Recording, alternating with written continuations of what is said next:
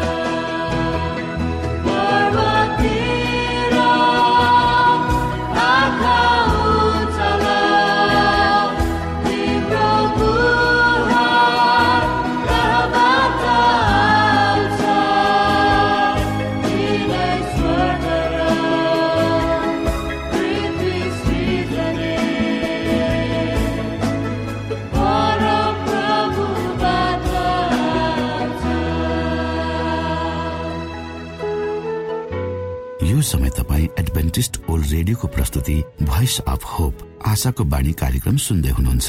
श्रोता मित्र यो समय हामी पास्टर उमेश पोखरेलबाट आजको बाइबल सन्देश सुन्नेछौ।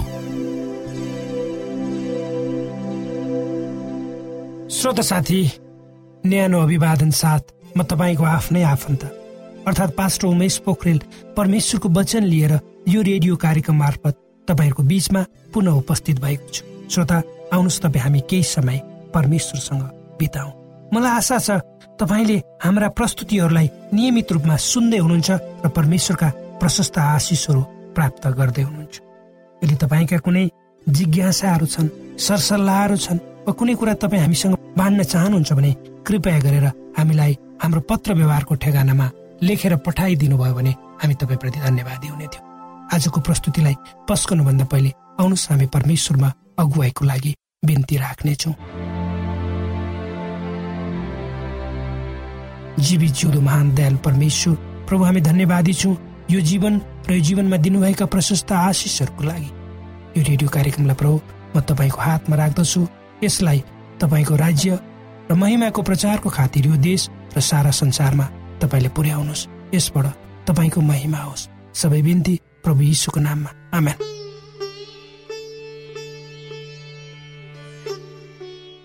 श्रोत साथी मानिसको हृदयलाई सबैभन्दा धोका दिने भनेर बुझ्ने पनि गरिन्छ। अर्थात् हृदयले धोका दिन्छ भनेर भनिन्छ। के तपाईँले यस्तो महसुस वा अनुभव गर्नुभएको छ? तपाईँको हृदयले कसैलाई धोका दिएको वा कसैको हृदयले तपाईँलाई धोका दिएको धोका दिने हृदयको बारेमा कयौँ कथाहरू लेखिएका छन् भने कयौँ फिल्महरू पनि बनेका छन्। कयौँ धोका पाएका मानिसहरूको कथा हामीले पढ्यौँ भने हामी स्वयं भावुक हुन्छौँ हृदयले धोका मात्र दिँदैन यसले त सारा कुरा वा प्रेम दिन्छ र प्रेमको प्रतीकको रूपमा मानिसको हृदयलाई लिने गरिन्छ प्रेम मिठो हुन्छ जब दुई हृदयको मिलन हुन्छ त्यहाँ प्रेम हुन्छ प्रेममा धैर्य हुन्छ प्रेममा सहनशीलता हुन्छ प्रेममा क्षमा हुन्छ र जस्ता अरू धेरै कुराहरू प्रेममा पाइन्छ हाम्रो हृदय संसार र परमेश्वरको बीचमा रहेको पाइन्छ कतिपय अवस्थामा हाम्रो चेतनाले कुन कुरा सही छ कुन कुरा सही छैन त्यसको जानकारी हामीलाई दिइरहन्छ र हामी त्यसअनुसार चल्नुपर्छ। तर परिस्थितिको अनु तर परिस्थिति अनुसार हामी चल्ने गर्छौँ र चल्ने बानीले आफ्नो फाइदा हामीले खोज्छौँ। त्यसै कारण हाम्रो हृदय विभाजित हुन्छ। परमेश्वरको वचन सरसल्लाह उचित मार्गदर्शन ठिक छ भन्ने कुरा जान्दा जान्दै हामी संसारतर्फ मन लगाउँछौँ र हाम्रो हृदय संसारका कुराहरूद्वारा भरिएर डोहोऱ्याएका हुन्छन्। यो यस्तो हृदय हो जसले परमेश्वरको आशा अनुसार उहाँको बाटोमा हिँड्छ। परमेश्वरको प्रेम र दया जसले अनुभव गरेको हुन्छ। र त्यही हाम्रो हृदय हो जसले हामी अगाडि कसरी बढ्नुपर्छ भनेर हामीलाई सिकाउँछ वा हामीभित्र बोल्छ। श्रोत साथी हामीले हाम्रो हृदयलाई परमेश्वरसँग श्रोत साथी हामीले हाम्रो हृदयलाई परमेश्वर खोज्नको निम्ति लगाउनु पर्छ परमेश्वरको निम्ति हृदयमा सानो कुरा राखेर पुग्दै हाम्रो हृदय विभाजित हृदय हुनुहुन्न। जब परमेश्वरले भन्नुहुन्छ मेरो छोरा तिम्रो हृदय मलाई देऊ। त्यसको अर्थ परमेश्वरले हाम्रो आधा हृदय माग्नु भएको होइन। उहाँले त हाम्रो पूर्ण हृदय चाहनु भएको। एउटा केटाले आफ्नो दिदीले बडो स्वाद मान्दै खाएको आइसक्रिम देखेर उसलाई पनि खाने चाहना भयो। र उसले आफ्नो दिदीलाई भन्यो मलाई पनि एकचोटि चाख्न देऊ। र उसको दिदीले भने म यो सबै आइसक्रिम तिमीलाई दिन्छु। यदि तिमीले तिम्रो गोजीमा भएका सबै गुच्चाहरू मलाई दियो भने। उक्त केटाले केही समयसम्म सोच्यो र अन्त्यमा आफ्नै दिदीको प्रस्तावलाई स्वीकार गरे र उनले आफ्नो हातमा भएको आइसक्रिम उसको हातमा थमाइदिन्। र केटाले राता निला पहेँला गुच्चाहरू आफ्नो दिदीलाई दियो। तर गोजीको एउटा कुनामा एउटा गुच्चा भने लुकायो। त्यसै तवरले हामी बारम्बार परमेश्वरमा आफ्ना कुराहरू साट्न चाहन्छौँ। र उहाँले हामीलाई भन्नुभएको छ कि पूर्ण हृदय भनेको शत प्रतिशत। जसरी उक्त केटाले एउटा गुच्चा लुकाएर अरू उसकी दिदीलाई दियो त्यसरी होइन। यदि हामी परमेश्वरमा आउन चाहन्छौँ भने कुनै पनि कुरा त्यहाँ लुक्नु हुँदैन वा हामीले मनमा कुनै कुरा लुकाएर परमेश्वरमा आउन पनि सक्दैन। आज केही कुरा खोज्ने क्रममा यदि तपाईँले परमेश्वरलाई पूर्ण हृदयले खोज्नु भएको छैन भने त्यहाँ जानुहोस् जहाँ तपाईँले परमेश्वरलाई भेट्टाउनु हुनेछ। तर एउटा ठुलो रहस्यमा तर एउटा ठुलो रहस्य म तपाईँलाई बाँड्न चाहन्छु। त्यो हो परमेश्वरले सदैव आफ्ना सन्तानहरूलाई खोजिराख्नुहुन्छ। तपाईँ र मैले खोज्नु पर्दैन। तपाईँ र मैले खोज्नुभन्दा पहिले उहाँले तपाईँ र मलाई खोज्नुहुन्छ। अर्थात् तपाईँ र मलाई उहाँले सदैव खोज्नुहुन्छ। यदि हामीले उहाँलाई यति मात्रै जानकारी दिन चाहन्छौँ कि हामीसँग हामी उहाँसँग आउन चाहन्छौँ निश्चय नै उहाँलाई निश्चय नै उहाँ तपाईँलाई मलाई खोज्न हामी भएको स्थानमा आउनुहुन्छ। उहाँको कहिले पनि नचुक्ने नसकिने प्रेमको तापमा हामीलाई तताउन चाहनुहुन्छ। उहाँका हातहरू समातेर आनन्दित हुनुहोस्। जब तपाईँ आफ्नो जीवनमा अगाडि बढ्नु परमेश्वरले प्रतिज्ञा गर्नुभएको छ। हामीलाई जे जे चाहिन्छ खुसी र आनन्दित रहन उहाँ उक्त कुरा हामीलाई दिन चाहनुहुन्छ। उहाँ दिन आतुर हुनुहुन्छ। जब उहाँले प्रतिज्ञा गर्नुहुन्छ तब भन्नुहुन्छ यदि तिमीहरूले मेरो आज्ञाहरू पालन गर्यो भने तब म तिमीहरूलाई दिनेछु। अर्थात् मेरा आज्ञाहरू पालन गर्यो भने यी यी कुराहरू तिमीहरूले प्राप्त गर्नेछौ। भजन सङ्ग्रहका लेखकले यसो भन्छन् परमप्रभुमा आनन्दित हो र उहाँले तिम्रो मनोरथा पूर्ण गर्नुहुन्छ। आफ्नो मार्गमा परम आफ्नो मार्ग परमप्रभुलाई सुम्प उहाँमा नै भरोसा राख। अनि उहाँले यो गर्नुहुनेछ। उहाँले तिम्रो धार्मिकता प्रभात झै ज्योति समान र तिम्रो मामिलाको न्याय मध्य दिनको सूर्य समान गर्नुहुनेछ। त्यसभन्दा अगाडि परमप्रभुको सामुन्ने मौन बस र धैर्यपूर्वक उहाँको प्रतीक्षा गर। मानिस आफ्नो मार्गमा मानिस आफ्नो कुमार्गमा फलिफाप हुँदा र त्यसले खराबी युक्तिहरू कार्यान्वयन गर्दा तिमी झर्को नमान। हो श्रोता परमेश्वरले तपाईँ हामीलाई आफ्नो वचनहरूद्वारा स्पष्ट रूपमा सरसल्लाह र नीति निर्देशन दिनुभएको छ। साँचो प्रेमले मानिसको हृदय साटासाट हुन्छ वा गर्छ? कुनै विशेष दिनमा जब हामी आफूलाई मनपर्ने व्यक्तिसँग उपहारहरू साटासाट गर्छौँ त्यसले हामी भित्र भएको प्रेमलाई प्रकट गर्दछ। हामी हाम्रो हृदयलाई साट्छौँ अथवा हाम्रो हृदयको अनुभवलाई हामी उपहारहरू मार्फत प्रकट गर्दछौँ। यो कुरा हामीहरू यो कुरा हामी र परमेश्वरको बिचमा पनि त्यस्तै यदि हामीले उहाँलाई प्रेम गर्छौँ भने हामी उहाँलाई खुसी पार्न सदैव तयार रहन्छौँ। हामी उहाँले भनेका कुरा मान्छौँ र उहाँसँगको सङ्गतिमा हामी आनन्द मनाउँछौँ। कल्पना गरौँ परमेश्वरले हाम्रो निम्ति के गर्नुभयो भनेर उहाँले आफ्नो एकमात्र पुत्र हाम्रो निम्ति दिनुभयो त्योभन्दा ठुलो भेटी र वा बलिदान कुनै पनि हुन सक्दैन। प्रभु यीशुले हाम्रो निम्ति आफैलाई दिनुभयो त्यो पनि स्वत स्फूर्त रूपले प्रेरित भयो कसैको कर कापमा होइन। त्यसको बदलामा हामी के गर्न सक्छौँ त? त्यसको लागि हामी आफूले गर्न सक्ने कुरा परमेश्वरको निम्ति के गर्न तयार? हामी रहनुपर्छ त। जब हामीले परमेश्वरलाई दिन्छौँ त्यसबाट उहाँले हामीलाई हाम्रो कल्पना भन्दा बेसी आशिषहरू दिनुहुनेछ। के परमेश्वरलाई तपाईँ र मैले आफ्नो जीवनको एक भागको रूपमा देखेका छौँ? जब हामी उहाँलाई हाम्रो जीवनको एक अभिन्न भागको रूपमा देख्छौँ तब हामी आफूलाई परमेश्वरको स्वरूपमा परिवर्तित भएको महसुस गर्दछौँ वा परिवर्तित भएको पाउँदछौँ। परमेश्वरले यी वचनहरूद्वारा तपाईँलाई आशिष दिनुहोस्।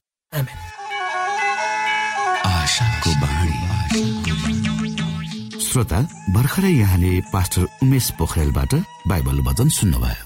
यो समय तपाईँ एडभेन्टिस्ट ओल्ड रेडियोको प्रस्तुति भोइस अफ होप आशाको बाणी कार्यक्रम सुन्दै हुनुहुन्छ। कार्यक्रम सुनेर बस्नुहुने सबै श्रोतालाई हामी हाम्रो कार्यक्रममा स्वागत गर्न चाहन्छौ। श्रोता मित्र यदि तपाईँ जीवनदेखि हरेस खानु भएको छ तपाईँका जीवनमा धेरै अनुत्तरित प्रश्नहरू छन् भने आउनुहोस् हामी तपाईँलाई परमेश्वरको ज्योतिमा डोहोऱ्याउन चाहन्छौँ। र तपाईँ आफ्नो जीवनका चिन्ता फिक्रीबाट निश्चिन्त हुनुहोस् र बाँच्नुको आनन्द परमेश्वरको सामिप्यमा कति मिठो हुन्छ त्यो चाख्नुहोस् भनी हामी चाहन्छौँ। श्रोता यदि तपाईँ आशाको बाणी कार्यक्रमलाई अनलाइन सुन्न चाहनुहुन्छ वा डाउनलोड गर्न चाहनुहुन्छ भने www.awr.org मा जानुहोस्। त्यहाँ तपाईँले प्रत्येक दिनको कार्यक्रम सुन्न र डाउनलोड गर्न सक्नुहुनेछ। हाम्रो वेब पेज यस प्रकार छ W dot AWR dot ORG श्रोता यदि तपाईँ हामीसित सिधै फोनमा सम्पर्क गर्न चाहनुहुन्छ भने हाम्रा नम्बरहरू यस प्रकार छन्। अन्ठानब्बे एकसाठी पचपन्न शून्य एक सय बिस अन्ठानब्बे एकसाठी पचपन्न शून्य एक सय बिस र अर्को अन्ठानब्बे अठार त्रिपन्न पन्चानब्बे पचपन्न. अन्ठानब्बे अठार त्रिपन्न पन्चानब्बे पचपन्न. श्रोत साथी न्यानो अभिवादन साथमा पास्टर उमेश पोखरेल तपाईँहरूको बिचमा स्वास्थ्य सम्बन्धी जानकारी लिएर उपस्थित भएको छु। र स्वास्थ्य सम्बन्धी जानकारी छ मधुमेह। जसलाई चिनी रोग पनि भनिन्छ।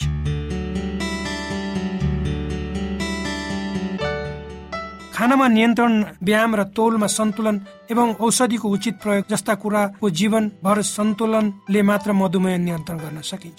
इन्डोक्राइनोलोजिस्ट डा अंशु मालिका अनुसार करेला खाएर कुनै खास जुस वा जडीबुटीको सेवनले मधुमेह निको हुँदैन। रगतमा ग्लुकोजको मात्रा नियन्त्रित राख्दा यो रोगले हुने जटिलताबाट लामो समयसम्म बाँच्न सकिन्छ। रगतमा ग्लुकोजको मात्रा निर्धारित स्तर भन्दा बढी हुँदा मधुमेह रोग हुने गर्छ। यो रोग लाग्दा शरीरमा आवश्यकता भन्दा कम इन्सुलिन बन्न थाल्छ। यसले गर्दा ग्लुकोज समुचित रूपले बढेर ऊर्जामा परिवर्तन हुन पाउँदैन। ग्लुकोजको मात्रा बढ्छ रगतमा ग्लुकोजको मात्रा एउटा सीमा भन्दा बढी भए शरीरले यसलाई हटाउन मृगुलाको माध्यमले पिसाबबाट बाहिर पठाउन थाल्छ। तर विज्ञहरूका अनुसार पिसाबमा ग्लुकोज नहुनु मधुमेह नभएको प्रमाण भने होइन। धेरै व्यक्तिहरू आफूलाई मधुमेह नभएको कुरा थाहा हुँदैन। रगतमा चिनीको मात्रा बढे पनि मधुमेहको लक्षण नदेखिन सक्छ। पचास प्रतिशत मधुमेह रोगीमा लक्षण देखिँदैन। यसैले यो रोग नभएकोहरूले उमेरको तीन दशक नागेपछि प्रत्येक दुई वर्षमा एकपटक तथा रोग नभएकाहरूले प्रत्येक तीन महिनामा एकपटक सुगर नियन्त्रणमा छ वा छैन भनी परीक्षण गराउनु पर्छ मधुमेह भएकाहरूले वर्षेनी कम्तीमा एकपटक मृगौला आँखा मुटु कोलेस्ट्रोल समेत परीक्षण गराउनु राम्रो हुन्छ। आधुनिक जीवनशैली खानपानमा क्यालोरी चिल्लोको मात्रा वृद्धि व्यायाममा कमी तनावमा वृद्धि फलफुल सागसब्जी खाद्य पदार्थमा हानिकारक रसायन रासायनिक मल आदिको व्यापक प्रयोगले मधुमेहका रोगीको संख्यामा वृद्धि भएको देखिन्छ।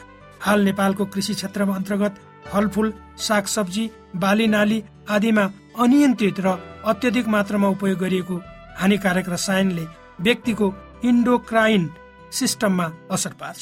सकारात्मक जीवनशैली नियमित व्यायाम खानपानमा चिल्लो क्यालोरीको कम मात्रा प्रयोगले यसको सम्भावनामा कमी ल्याउन सकिन्छ। चीनमा विश्वकै सर्वाधिक तथा र भारतमा दोस्रो सर्वाधिक व्यक्तिहरू मधुमेहबाट पीडित छन्। आफ्ना नजिकका नातेदारहरूमा कसैलाई मधुमेह छ भने तपाईँलाई पनि यो रोग हुने सम्भावना अर्थात् वंशानुगत कारणले पचास प्रतिशत हुन सक्छ। शारीरिक निष्क्रियता अस्वस्थकर जीवनशैली र खानपान मोटोपनाले गर्दा समेत पचास प्रतिशत सम्भावना यो रोग लाग्ने हुन्छ। आफ्नो वंशमा कसैलाई मधुमेह छ भने यो सबैलाई हुन्छ नै भन्ने पनि छैन। डब्लुएचओको अनुसार स्वस्थकर खाना नियमित शारीरिक गतिविधि शरीरको तोल सन्तुलित राख्नु र सुर्तीको उपयोग नगर्ने हो भने मधुमेहबाट बच्नु वा यो रोग लाग्ने प्रक्रियालाई पछि धकल्न सकिन्छ। आँटा कोदो मकै फापर जौ चना ढिँडो चाख्ला आदि खानेकुरा खानु भए खानु यस रोगमा उपयोगी मानिन्छ। त्यस्तै त भात मैदा जङ्क फुड आलु पिँडालु रेडिमेड खानेकुराहरूले मधुमेहको जोखिम बढाउँछ। यस्ता खानेकुरालाई कम गरी साग सब्जी सलाद तथा फलफुलको मात्रा बढाउनु राम्रो हुन्छ। लिची आँप केरा मोमो चाउमिन जस्ता खानेकुरा कम सेवन गर्नु साथै सुन्तला अम्बा मौसम स्याउ सेवन गर्नु लाभदायक हुनेछ। साथै रातो मासुको उपयोगमा कमी ल्याएर सेता माछा मासु सेवन गर्नुपर्छ। घिउ तेलको सेवन कम गर्नुपर्छ। वनस्पति घिउ त छुनै हुँदैन। शारीरिक सक्रियता बढाउनु दैनिक पैदल हिँड्नु लिफ्टको सट्टा भराङमा भराङको उपयोग गर्नु तथा गतिशील रहने बानीको शरीरमा धेरै परिवर्तन ल्याउन सकिन्छ। डब्लुएचओका अनुसार मधुमेहमा धेरै पिसाब हुनु धेरै तिर्खा लाग्नु निरन्तर भोक लगिराख्नु तौल घट्नु धेरै सुक्खा छाला र दृष्टि परिवर्तन एवं थकाइ लाग्नु आदि लक्षणहरू देखिन सक्छ। कोभिड नाइन्टिनका सम्पूर्ण खोप वा भ्याक्सिनको सफल परीक्षण गरिएको छ। यी भ्याक्सिन लिनाले हामी गम्भीर बिरामी हुनबाट जोगिन सक्छौ। त्यसैले तपाईँ पनि यो खोप लिनुहोस्। यदि तपाईँलाई पहिले नै कोभिड पोजिटिभ देखिसकिएको छ भने तपाईँ यो खोप चाँडै नै लिनुहोस्। यसो गर्नाले हामी र हाम्रो समुदायमा रोग प्रतिरोधक शक्ति चाँडै नै आउनेछ र हामी सबैजना पहिले जस्तै सामान्य जीवनमा फर्कन सक्दछौ। युनेस्को डब्लुएचओ र रेडियो कार्यक्रम आशाको बाणीबाट जनहितमा जारी सन्देश।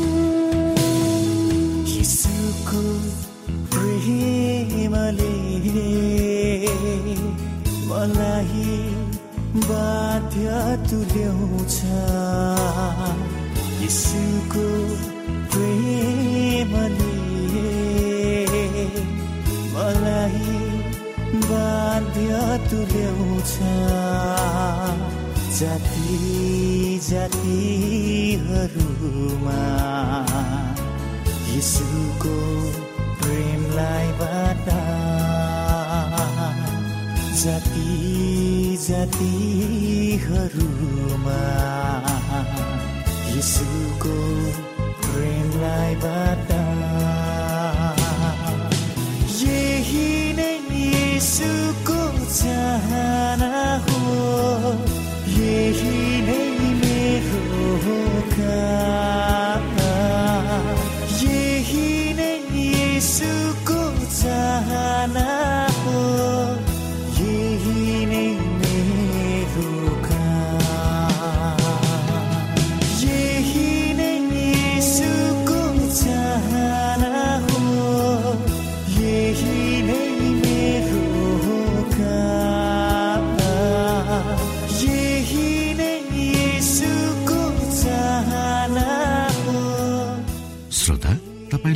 आजको हाम्रो यो कार्यक्रम शिक्षाप्रद लाग्यो र तपाईँले यसबाट विशेष अगुवाई लिन सक्नु भएको छ भने हामीले आशा लिएका छौँ। हामीसँग पत्राचार गर्ने हाम्रो ठेगाना यस प्रकार छ। आशाको बाणी पोस्ट बक्स नम्बर दुई शून्य शून्य शून्य दुई काठमाडौँ नेपाल। श्रोता यदि तपाईँ हाम्रो स्टुडियोको नम्बरमा सम्पर्क गर्न चाहनुहुन्छ भने हाम्रा नम्बरहरू यस प्रकार छन्। अन्ठानब्बे एकसाठी पचपन्न शून्य एक सय बिस। अन्ठानब्बे एकसाठी पचपन्न शून्य एक सय बिस र अर्को अन्ठानब्बे अठार त्रिपन्न पन्चानब्बे पचपन्न। अन्ठानब्बे अठार त्रिपन्न पन्चानब्बे पचपन्न। अवस्था श्रोता भोलि फेरि यही स्टेशन र यही समयमा यहाँसँग भेट्ने आशा राख्दै प्राविधिक साथी राजेश आडा पास्टर उमेश पोखरेल र कार्यक्रम प्रस्तुता म रवि यहाँसँग विदा माग्दछौ। नमस्कार।